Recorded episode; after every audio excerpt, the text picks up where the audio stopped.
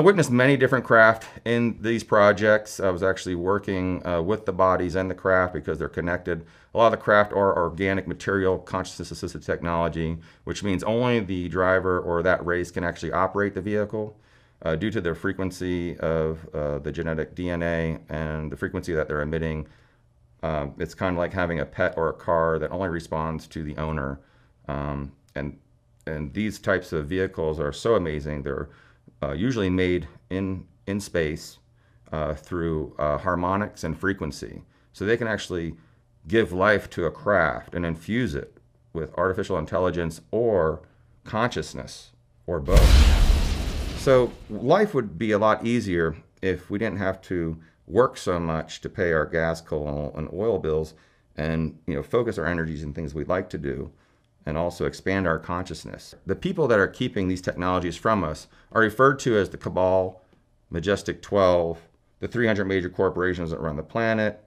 Um, you know, so these are some of the, the pop culture terms that people use, you know, to de- to uh, define you know, well, who's actually, you know, making me, you know, pay taxes and who's making me, you know, pay my uh, electric bill and, and this gas keeps going up and down and the pricing and prices and, and stuff of, of all these negative things that we really don't need. I mean, you know, look at us now. We're, you know, we're still Elon Musk and, and SpaceX and, uh, you know, NASA is still using rocket propelled technology that was probably invented by the Chinese on the first bottle rocket firework. So, I mean, we're talking hundreds of years of the same thing, just trying to improve it, you know, make it better when there's already anti-grav there. And there, but they only use it not for the public, they use it behind the scenes for the secret space programs to, you know, uh, advance these uh, secret space programs uh, and keep it keep it from the the people of Earth and keep us stunted down here like slaves. But the government you know, for the most part, and the military, the U.S. government, U.S. military, are sick of what's going on. You know, 90% of them are just tired of it. And, you know, they have families and they're sick too. And, you know, a lot of these things are happening with a lot of extortion, a lot of, you know, mind control um, uh, devices are being implemented and, you know, making people do crazy things. So this is bad because then it makes it feel like our leaders are not competent. So there's a lot of this going on right now to manipulate us as the normal people down here, uh, you know, separated from political and corporations. And we're just like, what is going on? We have the cures, we have the energy systems, we have all this, you know, but it's not being implemented, it's being hidden, suppressed.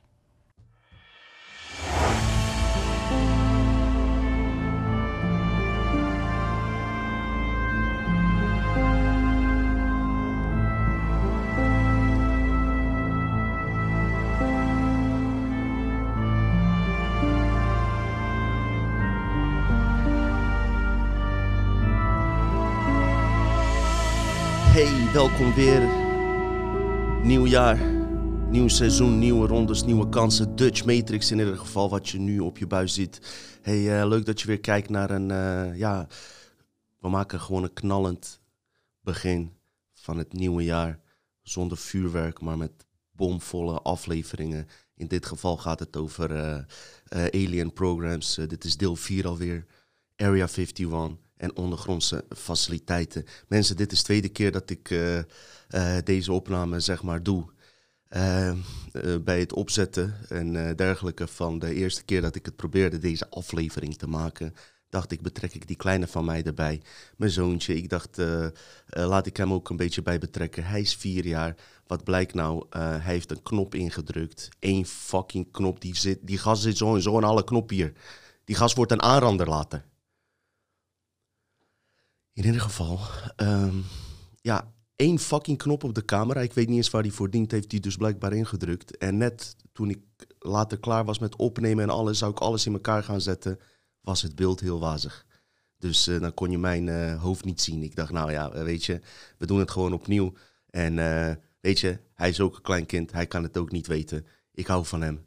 Maar voortaan ga ik deze shit in mijn eentje opbouwen. Want het is echt zonde, echt zonde. was een dikke aflevering. Maar ik beloof dat deze nog beter wordt, oké? We gaan het dus hebben over uh, Area 51, ondergrondse faciliteiten. Ik uh, trek hier twee insiders van naar voren. Bob Lazar, een gouden ouwe. En dan gaan we over naar Emery Smith, die eigenlijk nog veel dieper in de details treedt. Uh, pas laatste paar jaren uh, klokkenluider die naar buiten is getreden van uh, US Air Force. En zo maken we ook meteen een tijdslijn van jaren, begin jaren 90, toen Bob Lazar net naar buiten kwam. Wat we toen wisten en wat er nu allemaal naar voren is geschoven. Superleuk dat je kijkt. We hebben natuurlijk in die eerste paar Alien programs hebben we Area of Paperclip, Operatie Paperclip gehad, High Jump, allemaal dus van de ja, uh, tijd van uh, na afloop van de Tweede Wereldoorlog en tijdens de Tweede Wereldoorlog natuurlijk. Vervolgens uh, verhuisden die programma's naar Amerika. En om die programma's verder uit te werken, zijn er dus ondergrondse faciliteiten gemaakt. Nou moet ik erbij zijn, bij zeggen dat er ook grote kans bestaat dat je daar ook vanuit kan gaan dat er ondergrondse faciliteiten zich op onze, onder onze aarde bevinden, die misschien wel miljoenen jaren uit zijn. Wij gaan nu gewoon met zeg maar. Ehm, met vrij, uh, ja, hoe moet ik dat zeggen? ja, wat, voor ons bekend is, wat uh, insiders uh, vertellen. En naarmate de afleveringen volgen, zullen we ook misschien meer ontdekken over die hele oude faciliteiten die door oude buitenaardse beschavingen wellicht zouden kunnen zijn opgezet. Dus ja, um, Area 51, laten we daar eerst mee starten wat dat is. En wat ik doe in deze aflevering is dus meer informatie onttrekken vooral in het tweede deel, uh, wat, ja, wat daar allemaal ongeveer gebeurde volgens bepaalde mensen die daar hebben gewerkt. Maar wat is Area 51? Om even voor mensen even geheugen uh, op te frissen, is een militaire basis van de Amerikaanse luchtmacht, gelegen in het noorden van Las Vegas. De basis wordt streng bewaakt en is voor buitenstaanders niet toegankelijk. Ook in Amerikaanse staten als Utah, Ohio en Colorado liggen uh, ja, dit soort labs, ondergrondse labs, waar experimenten worden uitgevoerd. Uh, van onder andere ook wat de link is aan de vorige aflevering, uh, Roswell Crash. De onderdelen daarvan, die worden dan uh, zeg maar goed onderzocht. Onder andere daarvan, om, om het uiteindelijk in, op de markt te brengen in onze wereld. Uiteraard wordt dat weer door hogere machten weer streng in de gaten gehouden. Hoe, wat en wanneer. Dus dat, er zit een laag boven. En zelfs die insiders uh, waar wij over spreken, dus nu in ieder geval Bob Lazar en Emery Smith, zij weten hun deel. Er zijn altijd nog dingen uh, waar zij ook dus niet van op de hoogte zijn. Wat ik ook sowieso doe in deze filmpjes is, ik probeer iets minder te praten, omdat het om best wel diepe dingen gaat. Dus ik laat wat, ook wat meer beeldmateriaal zien, zodat jij zelf gewoon die, ja, hoe moet ik dat zeggen, de klokkenluider zelf kan scannen en zelf kan bepalen uh, wat je daarvan vindt en uh, zelf je onderzoek daarop uh, kunt toepassen. Van Area 51 trouwens, een aantal jaar geleden, twee blanke Nederlandse jongens hadden daar ingebroken. Het was wereldnieuws. Elke complotzender, wat je maar kon bedenken, ze waren in het nieuws. En ik heb gezegd, als die Nederlanders inbreken of iets stelen, dan doen ze het goed. Oké? Niet zoals wij, allochtonen die uh, overval plegen op een snackbar op fucking Aldi. Area 51, daar moet je wezen, hup. Zo hoort het. Nee hoor, ik wil niemand, uh, zeker niet iemand aanraden om uh, daar te gaan inbreken. Ik zou zelf niet eens durven of daar doorheen te rijden. Je never know wat daar gebeurt. Ze mogen alles met je doen blijkbaar. Nou, bij hun is het goed afgelopen. En nou goed, het is wereldwijd bekend geweest iemand had een oproep gedaan om met z'n allen Area 51 uh, eh, binnen te stormen. En van alle, alle mensen op de wereld, net twee Nederlandse YouTubers die daar gewoon uh, wereldnieuws uh, mee hebben gemaakt, als het ware. Wat het interessante is, dat ik meteen even een overstap kan maken naar Bob Lazar.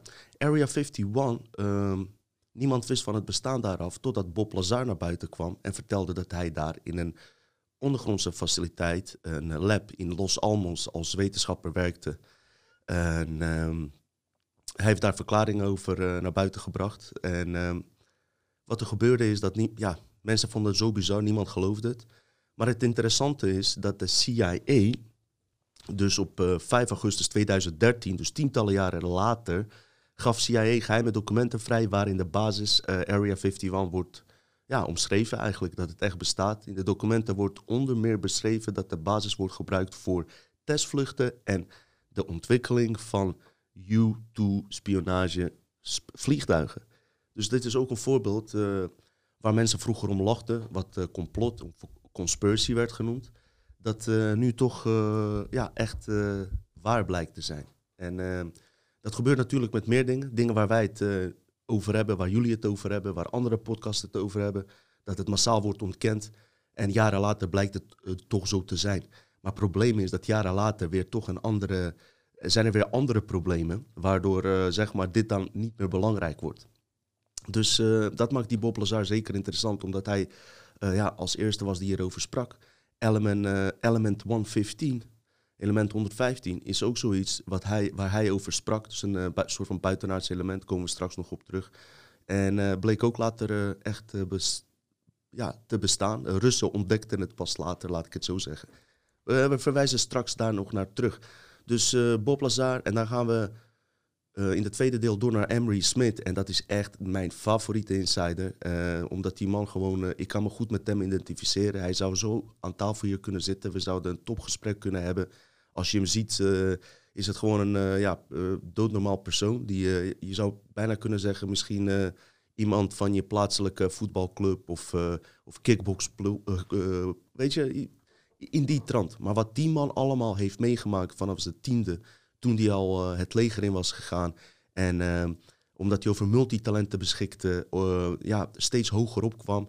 Verschillende interne opleidingen kreeg. En uiteindelijk een multitasker werd die voor Black Projects werd ingezet. Voor echt geheime mis missies, zeg maar. Heel interessante vent. En hoe die het vertelt en op wat voor manier heeft mij zeker getriggerd. Dus ehm, dit kan niet anders dan een dikke aflevering worden. Niet door mij, niet door mijzelf, maar uh, gewoon door het onderwerp en deze twee uh, uh, ja, klokkenluiders die echt ballen hebben.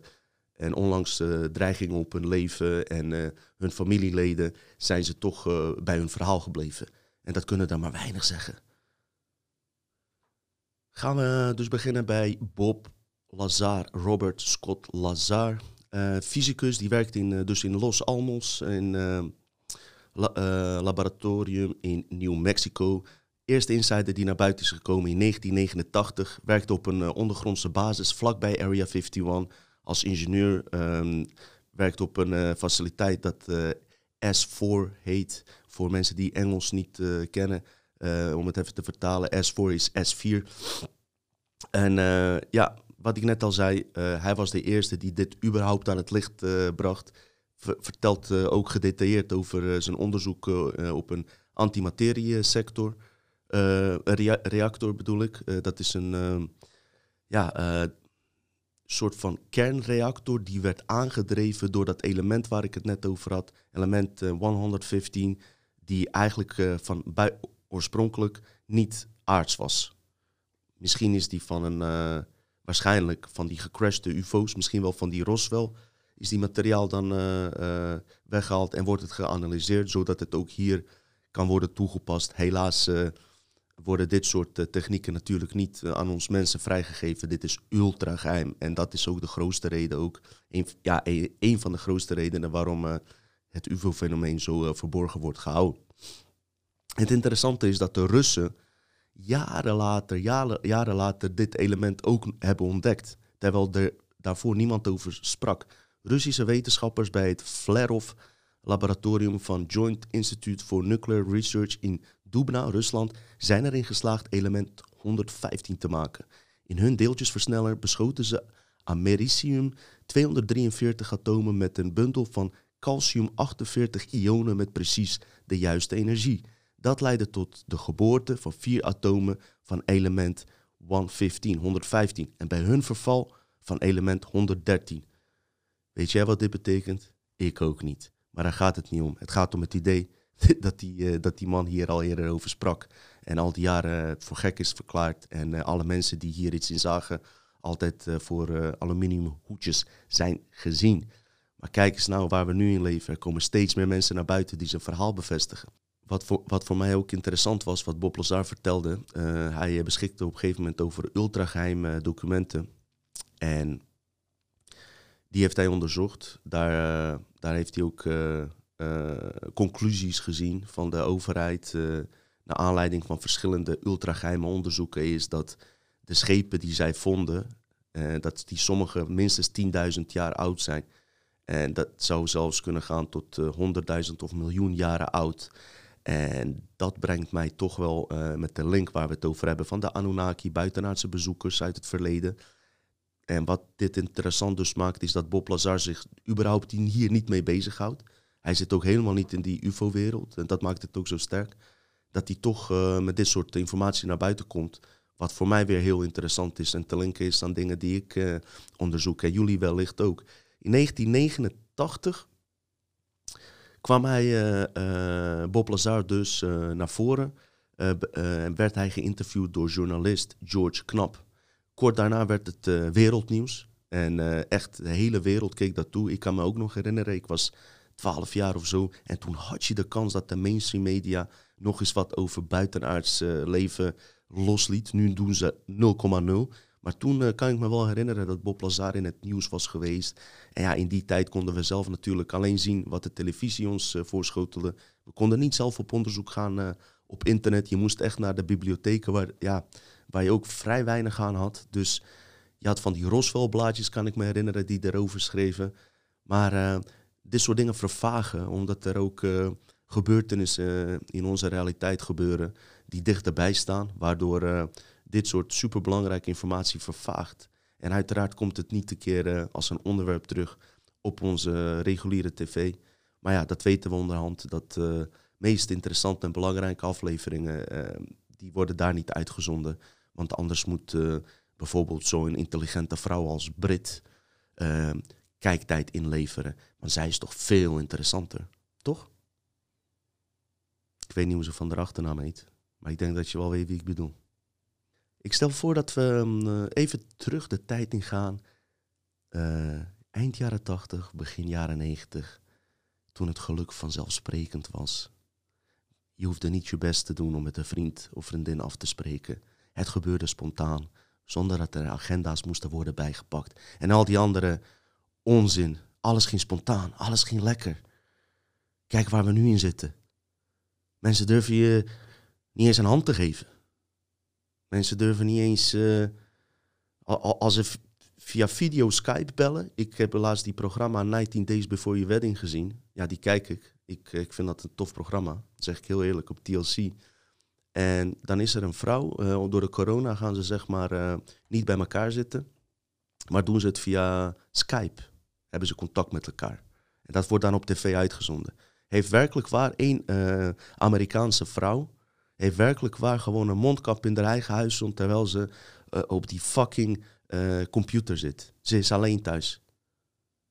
Maar ja, goed, dat is een ander onderwerp. We gaan lekker terug naar 1989, virusvrij jaar, terroristvrij jaar. Um, Bob Lazar komt naar buiten en praat over buitenaardse intelligentie. Spannend.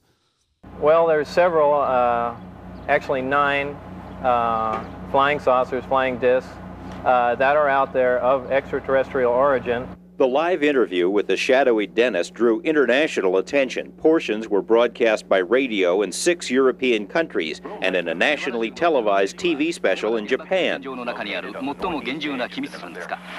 Actually, nine uh, flying saucers, flying discs. Despite numerous inquiries and feelers, Dennis has remained anonymous until now. His real name is Robert Lazar, a young scientist with eclectic interests. The choice of Dennis was an inside joke. He says that's the name of his superior at Groom Lake. It wasn't a joke to Dennis. He called right after and he said, Do you have any idea what we're going to do to you now? And I, I said, Well, no. And he hung up the phone. Lazar's story is, by any standards, fantastic. He says he's telling it in order to protect himself. He says he was hired to work at an area called S4, which is a few miles south of Groom Lake. At S4, he says, are flying saucers, antimatter reactors, and other working examples of technology that is seemingly beyond human capabilities. Right, this, this came from somewhere else. I mean, as bizarre as that is to believe, but I mean, it's there. I saw it. I know what the current state of the art is and in, in physics, and it's, it can't be done. Checking out Lazar's credentials proved to be a difficult task. He says he earned degrees in physics and electronics, but the schools we contacted say they've never heard of him. He also said he worked as a physicist at Los Alamos National Lab, where he experimented with one of the world's largest particle beam accelerators, a half mile long behemoth capable of generating 700 million volts. Los Alamos officials told us they had no records of a Robert Lazar ever working there. They were either mistaken or were lying. A 1982 phone book from the lab lists Lazar right there among the other scientists and technicians. A 1982 clipping from the Los Alamos newspaper profiled Lazar and his interest in jet cars. It too mentioned his employment at the lab as a physicist. We called Los Alamos again. An exasperated official told us he still had no records on Lazar. EG&G, which is where Lazar says he was interviewed for the job at S4, also has no records. It's as if someone has made him disappear. Well, they're trying to make me a non-person. Explain. You called where? Well, the schools that I went to, the hospital that I was born at, uh, past job, and uh, essentially nothing comes up with my name in it. He smiles, but out of futility, knowing the whole thing must sound ridiculous. According to Lazar, his employer was the United States Navy. He says he and other government employees would gather near EG&G, fly to Groom Lake, then a very few people would get into a bus with blacked out or no windows and drive to S4. When you get off the bus, what do you see? It's a very interesting building. It's got a slope of probably about 30 degrees, the, uh, which are hangar doors. And it has textured paint on it, but it's, it looks like sand. It's made to look like the side of the mountain that it's in, whether it's to disguise it from satellite photographs or what. He says he was never told exactly what he'd be working on, but figured it had something to do with advanced propulsion. On his first day, he was told to read a series of briefings and immediately realized how advanced the propulsion was. The power source is an antimatter reactor. Uh, they run gravity amplifiers. There's actually two parts to the drive mechanism. Uh, it's just, it's a bizarre technology. There's no physical hookup between any of the systems in there. Uh, they use gravity as a wave using waveguides, almost like microwaves. It took a while, Lazar says, before he actually saw one of the flying discs. However, there were hints everywhere. Right, they had a poster, and it looked like a commercial poster almost, like it was lithographed and you could buy it at a Kmart or something. But they were all over the place, and it had the, the disc that I coined the term the sport model was lifted off the ground about three feet at, at uh, area S4 on the dry lake there, and uh, the caption on the bottom said, they're here. And uh, those are just all over the place. Later, he got to see the real thing. When I was let in, it was the first time I saw the sport model in the hangar sitting down, and uh, I was told they could have walked me in the front door, but they purposely wanted to walk me by it. I was told not to say anything and just keep my eyes forward and, and walk past the disc into the office area. And I did, and uh, as we went by it, I just kind of stuck my hands on it just to run it alongside the thing. And, uh, you know, I, that, that was about the smallest time. After that, I got to see it uh, actually lift off the ground and operate. But you, you also, in between that, you saw more than one. Yeah. The hangars are all connected together, and there are large bay doors between each one. And uh, there were nine total that I saw each one being different. Like they had the uh, assortment pack. Security at S4 was oppressive, Lazar says, and his superiors used fear and intimidation almost as a brainwashing tool. It did everything but physically hurt me. Put a gun to your head? Yeah. And, and said what? What actually put a gun to your head? Well, they it, they did that even in the in the original security briefings. They had uh, uh, guards there with M16s, and guys slamming their finger into my chest, screaming in my ear, some people pointing weapons at me. Uh, like I said, it's not a it's not a good place to work. Well, I am telling the truth. I, have tried to prove that. Uh, what's going on up there could be the most important event in history. You're talking about contact, physical, physical contact and proof of, uh, from another, another system, another planet, another intelligence. That's got to be the biggest event in history, period. And it's real. And it's real and it's there. And uh, I had a, an extremely small part in it, but I'm convinced that what I saw is absolute proof of that. There is, there is no way we could have created those systems. There's no way we could have made the disks, the power supplies, anything to go with them.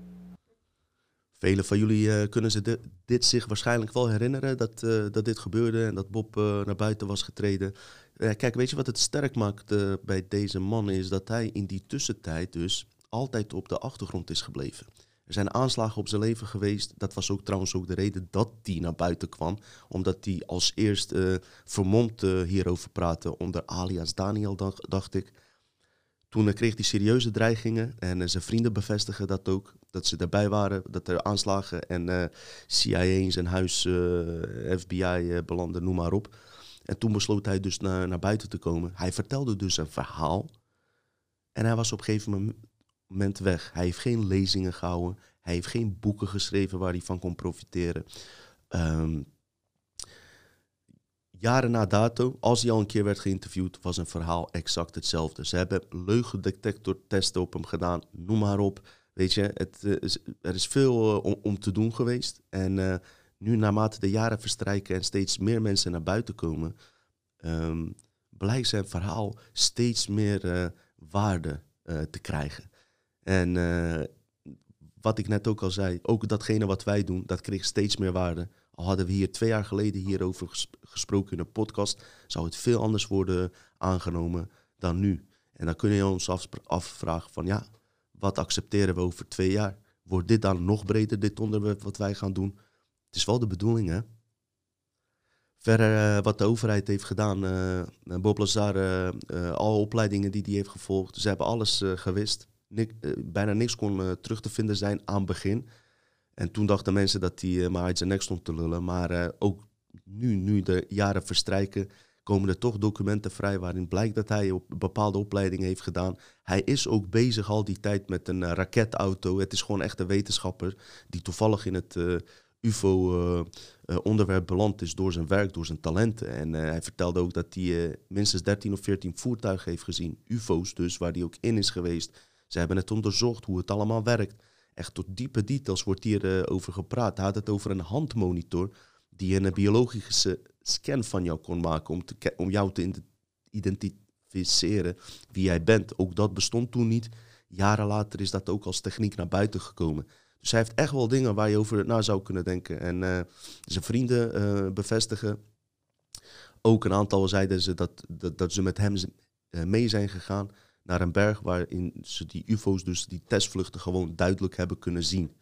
En uh, ja, ik uh, vind toch dat deze man uh, wel een begin heeft gemaakt. Um, iets naar, een veld heeft laten opzetten en, andere whistleblowers, klokkenluiders naar buiten heeft laten komen om zijn verhaal verder te bekrachtigen, zoals Emery Smith, waar we het over gaan hebben. Emery Smith, US Air Force veteraan, en echt serieus waar. Uh, onwijs bizar toen ik deze man ontdekte. Gingen er, ook, er weer nieuwe lijnen ook voor mij open. Ik zal even uitleggen wat er aan de hand was. Ik volgde David Wilcock. En ik volg vooral dingen die hij dus van uh, klokkenluiders hoort. Zijn spirituele uh, afleveringen volg ik niet echt. Ze gaan niet in lijn met mijn gedachten. Maar wat hij wel heeft is echt goede, gedocumenteerde vaak soms ook klokkenluiders die wel interessante informatie hebben.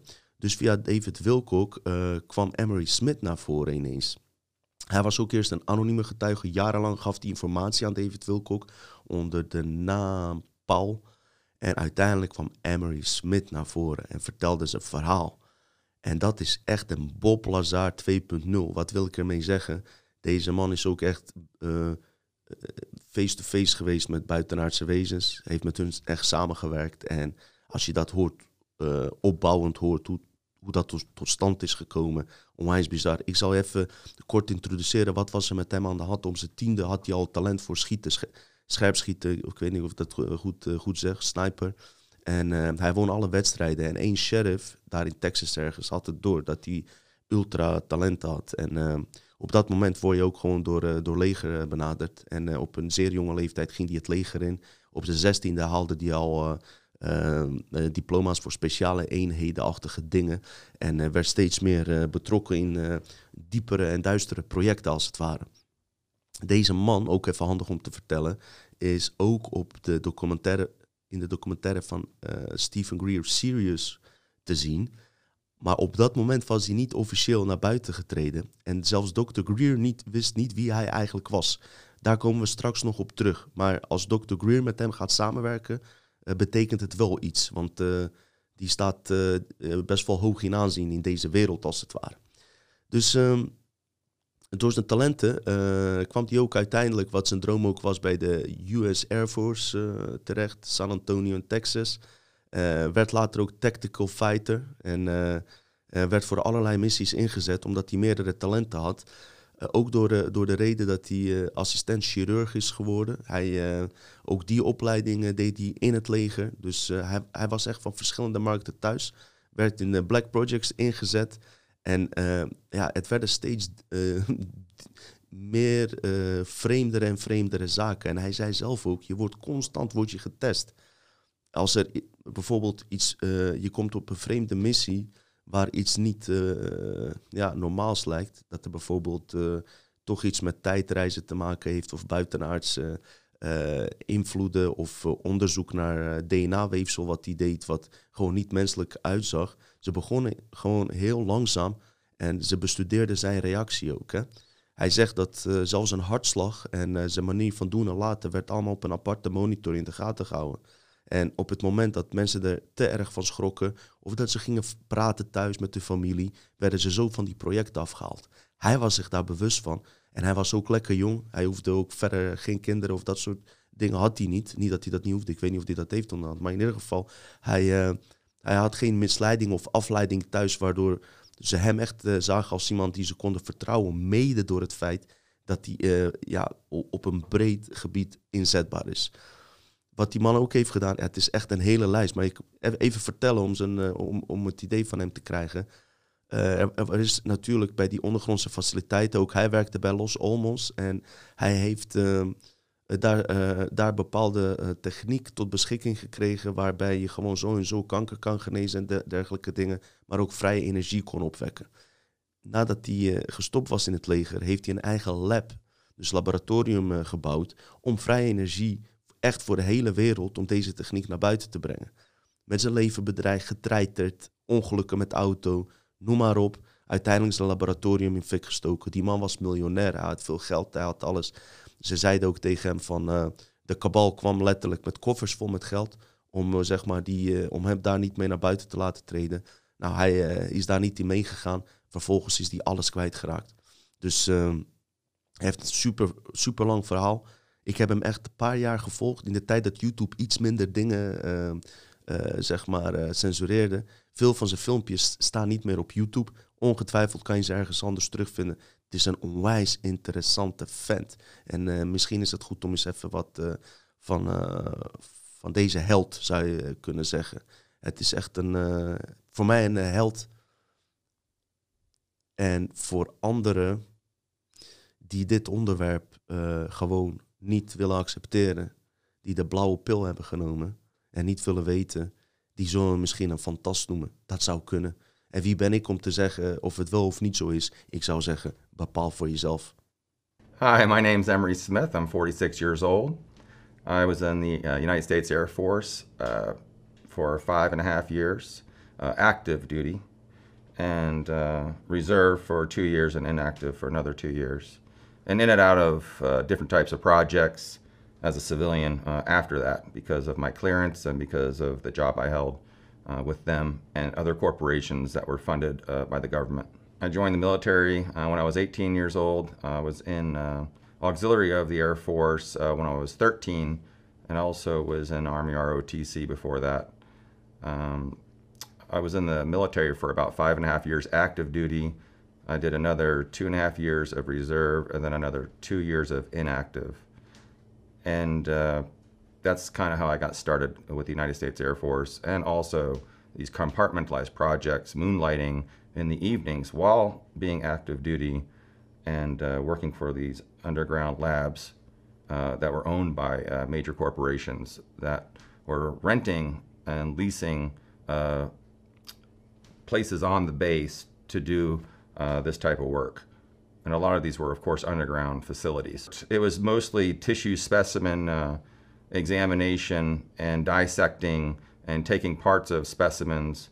And I've done over 3,000 different specimens, uh, not whole bodies, but uh, you know just different parts of body tissues and and whatnot to uh, send for testing. They were testing everything. I wasn't really allowed to in the early years know anything about what I was dissecting. All I know is I had to go in there, take this part of this tissue, or dissect this nerve, or you know take this blood sample uh, from this, you know, this specimen and then send it away for testing. Uh, the technology I wit- witnessed in the programs that were suppressive, um, that were suppressed still to this day, are things like anti gravity, zero point energy, uh, a lot of 3D holographic imaging. Um, of course, there's a lot of devices that were reverse engineered by by these corporations uh, from government retrieved uh, downcraft and extraterrestrial uh, uh, DNA, along with hybrid DNA from um, from these specimens that they use to uh, make pharmaceuticals and to make cures with, and things like that. So there's always always there's always a positive and negative. They might make a gun with one thing, but the same device is used to kill cancer, you know, on a different wavelength, but the same technology. So these things are all suppressed. So we don't have to live like we do now. We could actually have a lot of abundance as far as medical technologies, the cures for diseases, um, the abundance of uh, water and food for everyone, and, and housing if these technologies were released. And of course, energy you know, free energy for everyone. I've had many memorable extraterrestrial experiences, too many to count. And there are a few that did stick out, you know, um, that stuck out uh, in my memories uh, that stay with me for a long time. And one of them uh, was a visitation uh, from some tall whites in a craft. And uh, it was one of the first times I was actually physically next to these beings and was able to communicate telepathically and uh, get downloaded a lot of information that was needed for me to disembark on this journey, um, which helped me tremendously. Uh, as far as the projects, it was always fascinating uh, every year as you get higher security clearances to also see technologies uh, and extraterrestrials working with humans uh, that were actually uh, was against their will at one time, and and then seeing them, you know, uh, becoming a family and being happy that they're helping us because they feel really sad for us. So I think some of the things of working hand in hand with extraterrestrials and these uh, underground laboratories and whatnot, and being part of these projects, and and seeing that wow, they're kind of just like us. They're just a little bit more civilized and mature. And it was a really big gift for me because I picked up on a lot with their energy and a lot of their teachings and educational uh, scientific stuff, which I was just fascinated with. And it was very addictive for me to go to work because I just wanted to know more, more, and more. And where's this going? And why doesn't anyone know about this? And, you know, it was later on that I figured, man, if this stuff got out, you know, how, what a blessing it would be to change the world and you know to help all the animals of the world and clean all the oceans and you know to cure my family of cancer and all these things were, was just flying through my head so i think you know to answer that question it was just working hand in hand with these extraterrestrials. It was a blessing. And also you know having special moments where you actually get to communicate with an extraterrestrial uh, now and then to upgrade you and to also uh, learn different sciences that didn't exist here on planet earth. Because I was working on zero point energy devices um, and getting more into that and having uh, zero point energy devices that actually work. And threats started coming in, and I felt threatened enough that if I did not do something, that my life was going to end very abruptly and very quick. And uh, my past, you know, shows that with the amount of family members and friends I've lost uh, in the last uh, 10 years and lifetime uh, that is correlated with, you know, this type of thing.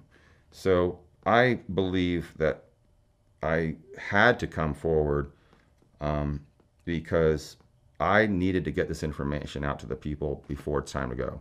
So I'm saying, yeah, it's time to go. Okay, but before I go, let me get something documented and let's get, you know, all the paperwork in and everything I could possibly have and give it to people uh, like David Wilcock and uh, Gaia TV and and other uh, people that are in this, um, you know, that are working with me, you know, in this uh, fashion to secure it and to investigate it and to if something happens to me today, I'm going to be very happy and satisfied and uh, to know that you know I've done my due diligence and I have you know, I got this out out here. Plus, a lot of my non-disclosure agreements just ended, not all of them.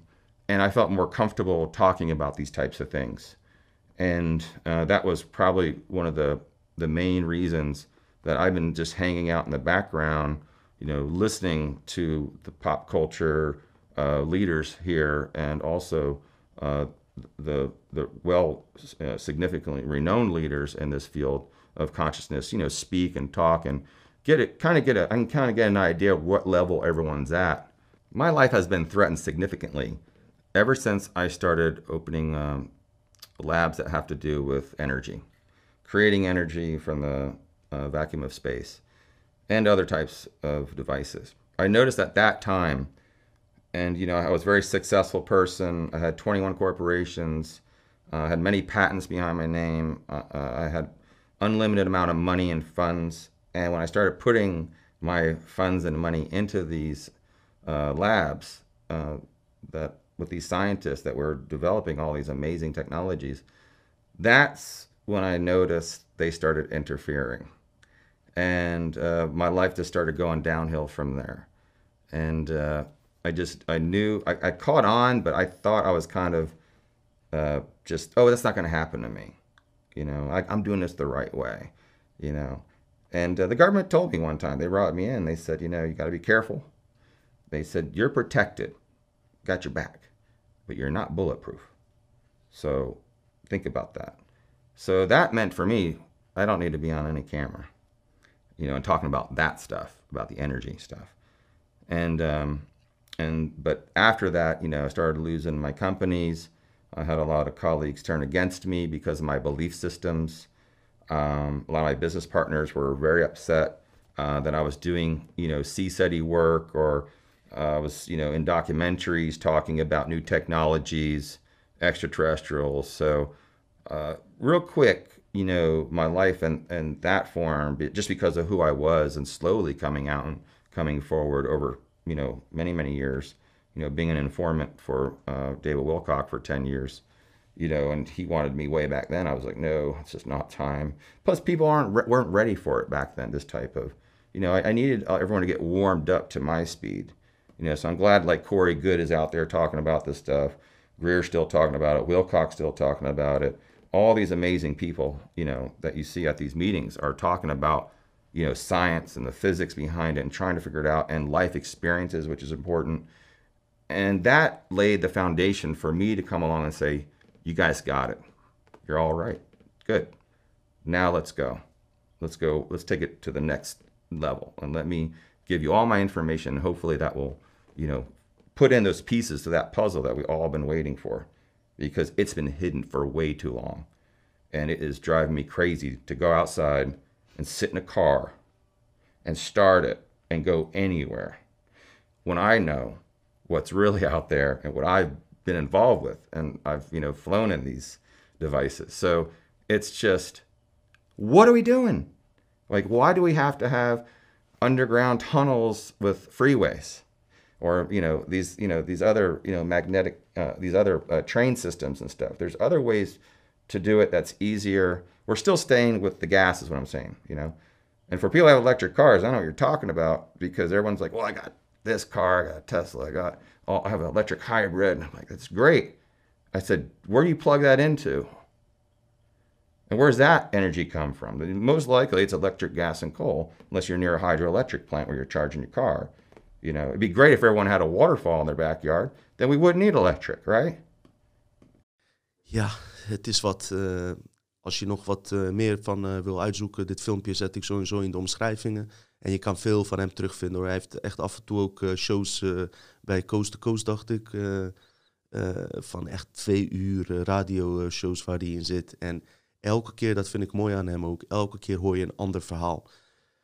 Uh, het is niet alleen dit. Hij is ook betrokken geweest bij tijdreisprojecten. Uh, dus waarbij met Stargaze gewoon door de tijd is gereisd. En het is zo, zoveel, zoveel. Wat wij ook trouwens een keer gaan behandelen. Ik ben daar ook steeds meer onderzoek uh, op aan het doen. Over dat tijdreizen. hoe dat in elkaar zit en dergelijke. Maar goed, wat ook vooral dus een taak was, was eigenlijk DNA-weefsel onderzoeken. om even, even beknopt weer terug te vertellen. die weefsel, ja, die stukjes werden dat was zijn taak, moesten dan uh, worden onderzocht en door worden gestuurd naar een andere afdeling. Op een gegeven moment werd het, uh, werd het weefsel, zag er steeds vreemder en vreemder uit. En op een gegeven moment kreeg hij onderdelen, bijvoorbeeld een arm, wat definitief niet van een dier kon zijn of een mens, was buitenaards. Hij uh, hield zich goed aan de regels zonder met iemand over te praten. En op een gegeven moment kwam hij bij volle lijken, buitenaardse lijken. Dus die die uh, opereerde, of ja, opereerde, weefsel uithaalde. En uiteindelijk is het zo ver gegaan dat hij samen met buitenaardse wezens, dat vertelde hij volgens mij ook in dit filmpje, ehm, ja, gewoon samen in die labs werkte. En ja, hoe dat ging, dat kon ook niet iedereen aan. Er waren medewerkers die toen voor het eerst een buitenaards wezen zag en gewoon een hartaanval kregen en doodgingen. Dat gebeurde er ook, vertelde hij. Er zijn zelfs speciale programma's opgezet hoe ze zeg maar eerste contact tussen een mens en een buitenaards wezen, hoe die tot stand moet komen. Bijvoorbeeld dat je hem, wat hij vertelde is dat een van die wezens dan iets van 200 meter verderop stond, zodat je hem van afstand kon observeren werd je hartslag gemeten en steeds dichter en bij komen. Joh, die details, dat is echt bizar. Maar goed, we gaan even naar het tweede deel, ook of derde deel, en tweede deel van het stuk over Emery Smith, is even verwijzen naar um, uh, iets waar hij ook vol dus bij betrokken is geweest, mede door uh, zijn kennis in, in, met deze DNA-onderzoeken. Hij was dus bij documentaire series van Stephen Greer. Voor mensen die niet weten wie Stephen Greer is, op Netflix had je Unacknowledged. Ging het, over, ging het eigenlijk over, over het feit dat het UFO-alien-fenomeen eigenlijk naar voren zou moeten worden gebracht. En dat is eigenlijk naar aanleiding van Disclosure Project, daardoor, dat door Stephen Greer ergens in mei, 9 mei 2001 is opgezet. Wat die man heeft gedaan, Dr. Stephen Greer is een medicus. En hij, heeft, uh, hij is in dit UFO-fenomeen beland tientallen jaren. Echt, hij is hier heel lang mee bezig. Maar door zijn connecties heeft hij dus allerlei klokkenluiders, tientallen klokkenluiders, in 2001, 9 mei bij elkaar laten komen. Die uit verschillende programma's komen. En mensen met uh, best wel aanzien en kredietwaarde, gedocumenteerde mensen.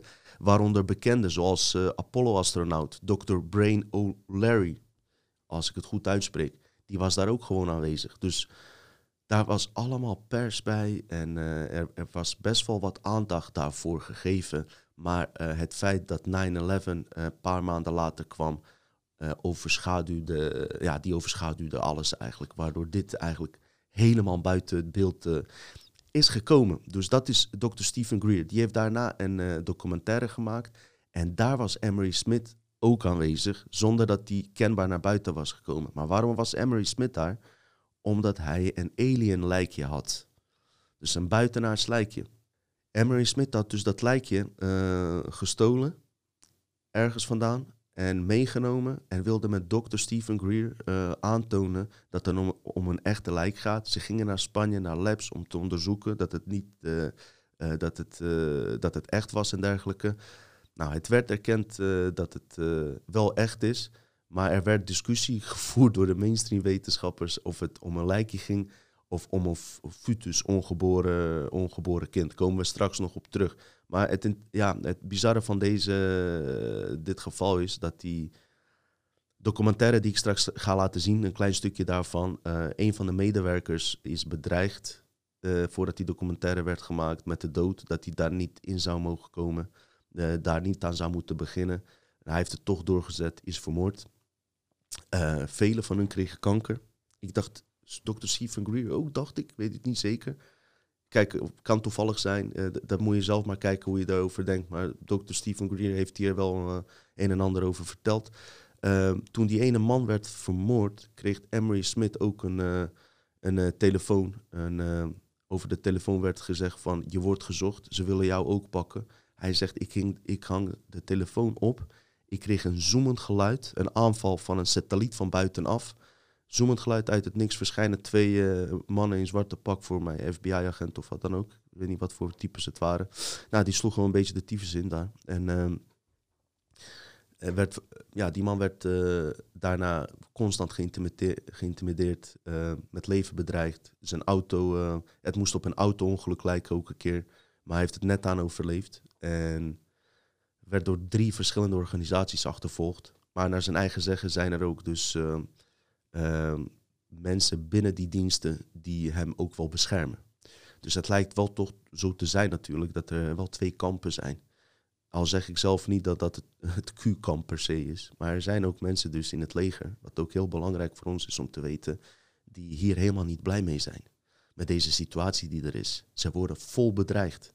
Ja? Ze kunnen hier niet over praten. En ik heb het idee dat die mensen heel blij zijn met hetgene wat ik doe en heel veel andere mensen om hierover te praten als burger zijnde. Om ons massaal, uh, om dit onderwerp even wat iets meer massaal in het uh, veld te laten brengen. Want uh, hoe, ja, je kan het raar vinden of niet, maar heel veel mensen die aan de top zitten zijn eigenlijk slachtoffer en worden gewoon vol bedreigd. Dat moeten we ons ook beseffen. En misschien is het nu juist de tijd aan ons om hier wat aan te doen. Snap je? Um, wat ik voorstel is om uh, de video te laten zien, dus uh, van Sirius, klein stukje. Uh, je kan het zelf natuurlijk later voor jezelf nakijken, helemaal. Waarin Emery Smith en Dr. Stephen Greer ehm, dat lijkje gaan onderzoeken. En gaan aantonen dat het om een echt lijkje gaat. En dat het eigenlijk niet menselijk is. Dus ik zou zeggen, ga vooral eens even kijken. Joh. On our way to Barcelona. Barcelona. To retrieve the evidence. Dr. Bravo. Hi, Are you ready for the trip? I'm ready for the trip. I'm so excited. Okay. We're going to do some very wonderful work, and I can't wait to get the results. Upon arriving in uh, Spain to uh, look at the being for the very first time, I was kind of skeptical.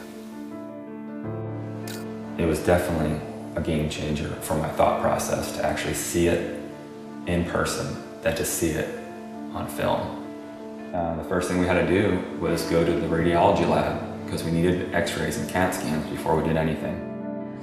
Porque esto es, ya se lo comenté que era un poco difícil de hacer. Es, ¿okay? Hay, the best we can get. No, lo mejor que podamos. Porque el, evidentemente no se puede manipular para nada. Es, no, no, no. no. The head radiologist at the center um, saw the beam and was quite impressed. And the first thing she said was, wow, that looks like an alien.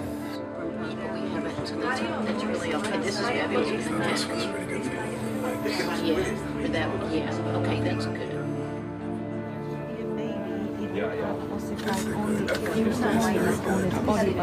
This one is complete. CAT scan images started coming up on the computer, it was just profound. And I saw inside the bone, and I saw, you know, organs and lung material, brain material. I knew that this was not a hoax, it was not fake, that this was actually some sort of living creature.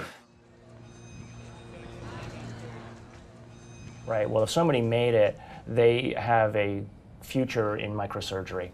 Uh, because they were smart enough then to put in these millimeter wide bone uh, holes where the uh, arteries go in to uh, feed the bone marrow.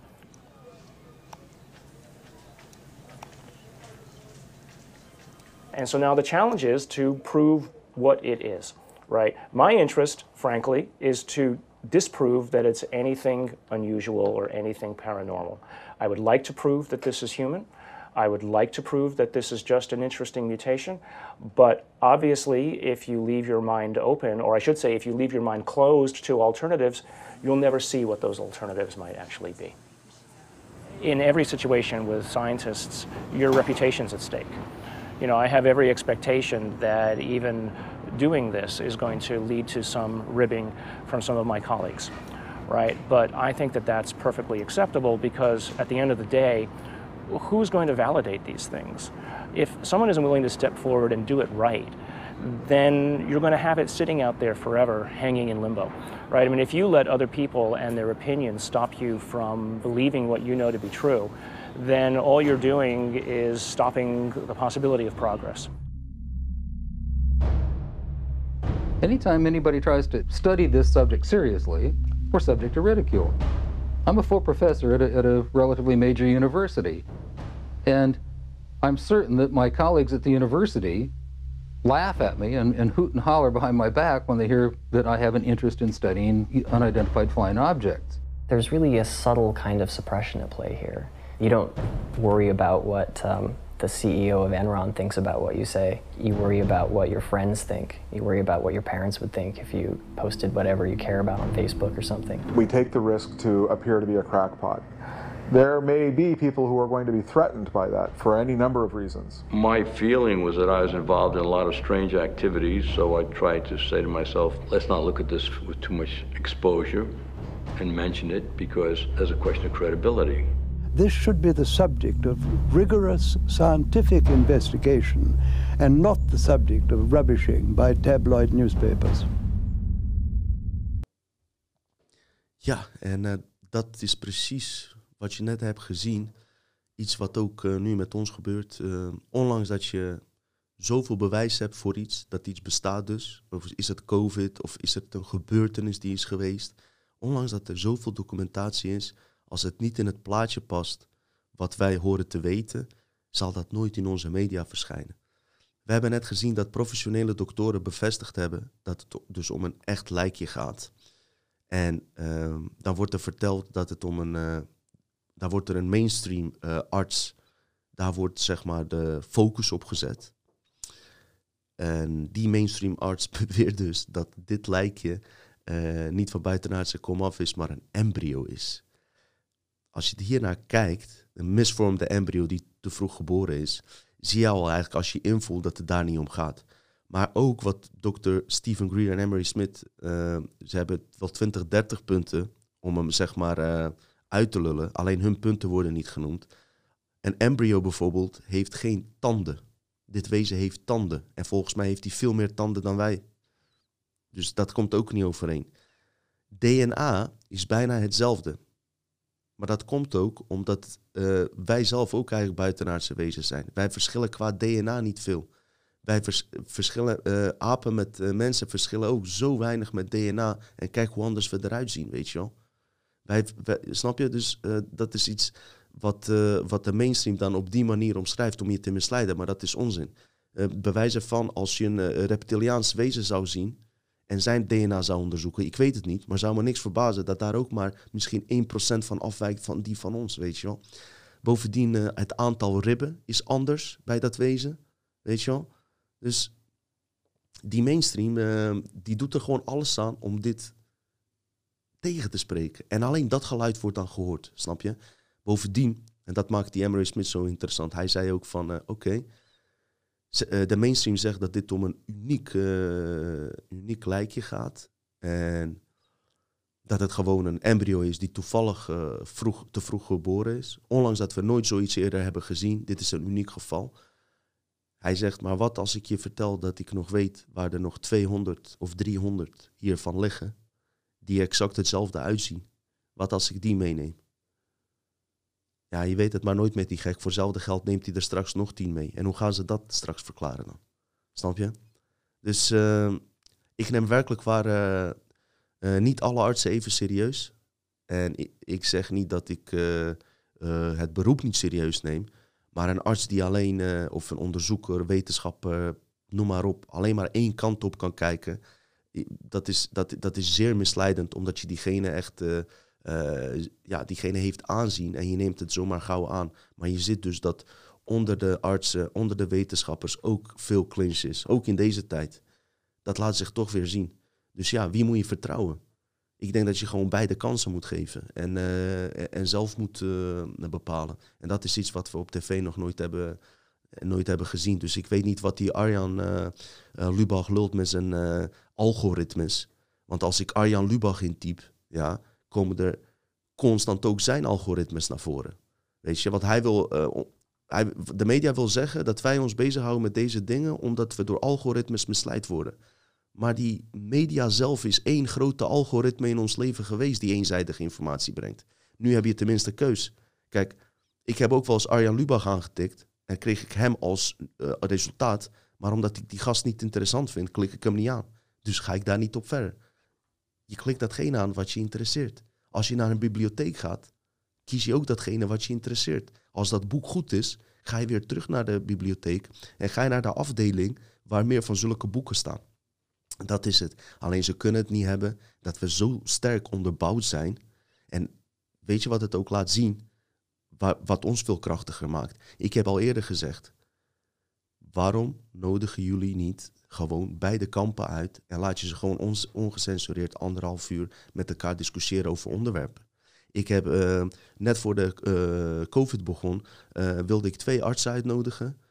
Eén die voor vaccinaties is, één die tegen vaccinaties is. En ik dacht, ik laat ze bij elkaar zitten en ga ze lekker met elkaar laten discussiëren, zodat wij kunnen bepalen wie, wie betere punten heeft, wie niet. En raad maar, niemand van de mainstream artsen heeft zich eh, ge- gemeld. Niemand durft überhaupt een discussie blijkbaar te voeren.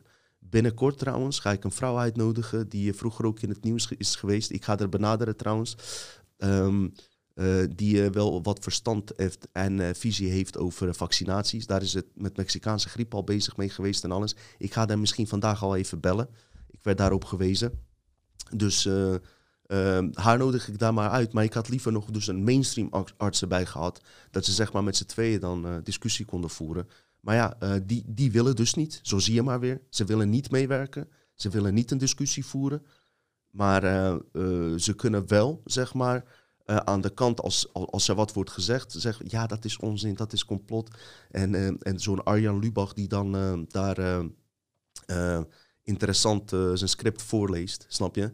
Eh, terwijl die zelf natuurlijk ook geen reet weet. Stel je voor dat je een eh, gast hebt die constant Badr Hari of Rico Verhoeven uitdaagt om te kickboksen. Ja? Hij zegt, ik ben de beste, ik ben de beste. Maar op het moment dat het aankomt dat de wedstrijd gespeeld eh, moet worden, trekt hij zich op het laatste moment terug. Maar hij heeft constant grote bek. Constant grote bek. Nou, dat is, dat is een beetje wat aan de hand is met eh compleetdenkers en mainstream gelovers. Is dat ze, die mainstream heeft een, een gedwongen publiek wat naar ze kijkt. Geprogrammeerd publiek dat naar ze kijkt. En daar kunnen ze van alles tegen zeggen. Maar als het erop aankomt dat we gewoon hier aan tafel zitten en een gesprek voeren. Hier, Arjan Lubach, kom maar zitten. Ja, kom maar, neem je fucking laptop mee, wat je wil. Probeer eens even, gaan we even wat punten doornemen op een normale manier. Zal nooit van komen. Artsen durven niet. En dat maakt ons gewoon sterker. Dat maakt ons gewoon sterker. Daarom halen ze ons van de kanalen eh, weg en, eh, en, en willen ze niet dat dit eh, hierover wordt gepraat. Weet je? Dus je moet zo denken, dit maakt je alleen sterker. Goed mensen, ehm, ook even om dit, dit te melden, waarom ik blij ben met deze Alien programs, afleveringen. Ik kreeg veel berichten van mensen die me dankbaar zijn om het feit dat ze, ze zouden zich niet lang bezig met, met conspiracies. Ze waren eh, snel beland in eh, natuurlijk hè, eh, COVID, wat logisch is. Maar ook in andere zaken, crisis, bankencrisis, noem maar op. Wat ze heel erg gingen onderzoeken. Maar nadat ze deze afleveringen hebben gezien, heb- hebben ze zeg maar hun eigen onderzoek even aan de kant gezet. Zijn ze direct een sprong gaan maken, het diepe in, dus dit ding in. Weet je, waar het eigenlijk echt om draait. Hier draait het echt om, dat durf ik je wel zeggen. Meer om dan die bankencrisis en die, die ba- banken, die crisis zijn altijd al kunstmatig geweest. De economie is kunstmatig. Het is wanneer het beslist wordt, komt het er of niet. Eh, het is wel natuurlijk belangrijk, ook pedofiele zaken en alles. Tuurlijk, het moet aandacht blijven ge- geven. Maar mensen, aantal waren me echt dankbaar dat ze gewoon een paar stappen hebben overgeslagen. Stappen die ik jarenlang, die, dit heeft mij jaren gekost om hier te komen, zeg ik heel eerlijk. Maar zij hebben nu zoiets van, wow, ik, ik ga hierop invullen. Ik ga dit direct onderzoeken. Want het andere is niet meer, blijkt niet zo heel erg meer van belang. Uiteraard wel goed om te weten. Dus daar ben ik super blij mee. Daar doen we toch voor. Daar doen we toch voor. Volgende aflevering komt een hele interessante man uit België. En hij, eh, hij werkt met Hemisync. Dat is van Monroe Instituut. Dat, eh, er wordt gewerkt met geluidsfrequenties. Naar de hand van die geluidsfrequenties kunnen mensen in andere dimensies komen. Ik weet hier niks vanaf en misschien leg ik het nu ook helemaal eh, niet goed uit. Maar dit is echt serieuze shit. Ik heb eh, mensen die ik hoog heb staan, eh, zijn hier ook mee bezig. En dat, die, die weten echt veel van, meer dan ik van deze onderwerpen. Daarom is deze man heel erg interessant. Ook om het feit dat die Hemisync, dit systeem door de CIA is gebruikt en wellicht wordt, nog wordt gebruikt. Ik wil graag met deze man hierover praten. Dit systeem is gebruikt, volgens mij heeft het ook linken met, eh, met eh, CIA en hun eh, remote viewing programma's waar ze mee bezig waren. Dat je dus interdimensionaal reist naar een plek om je vijand af te luisteren. Dit gaat zo diep en ik weet er zo weinig van af. Ehm, ik hoop dat deze man ons hier wat meer over gaat vertellen. Dus in die aflevering gaan we wat samen leren. Samen wat, wat, wat hij hierover te zeggen heeft. En hij geeft volgens mij ook hier cursussen in. Noem maar op. We gaan het gewoon lekker samen bespreken. Ik ben blij dat we even uh, deze tweede aflevering. Hoop ik dat alles goed is opgenomen. Dat uh, alles goed staat. En ja, we zien elkaar waarschijnlijk gauw weer. Jij zit mij, hè? ik jou niet.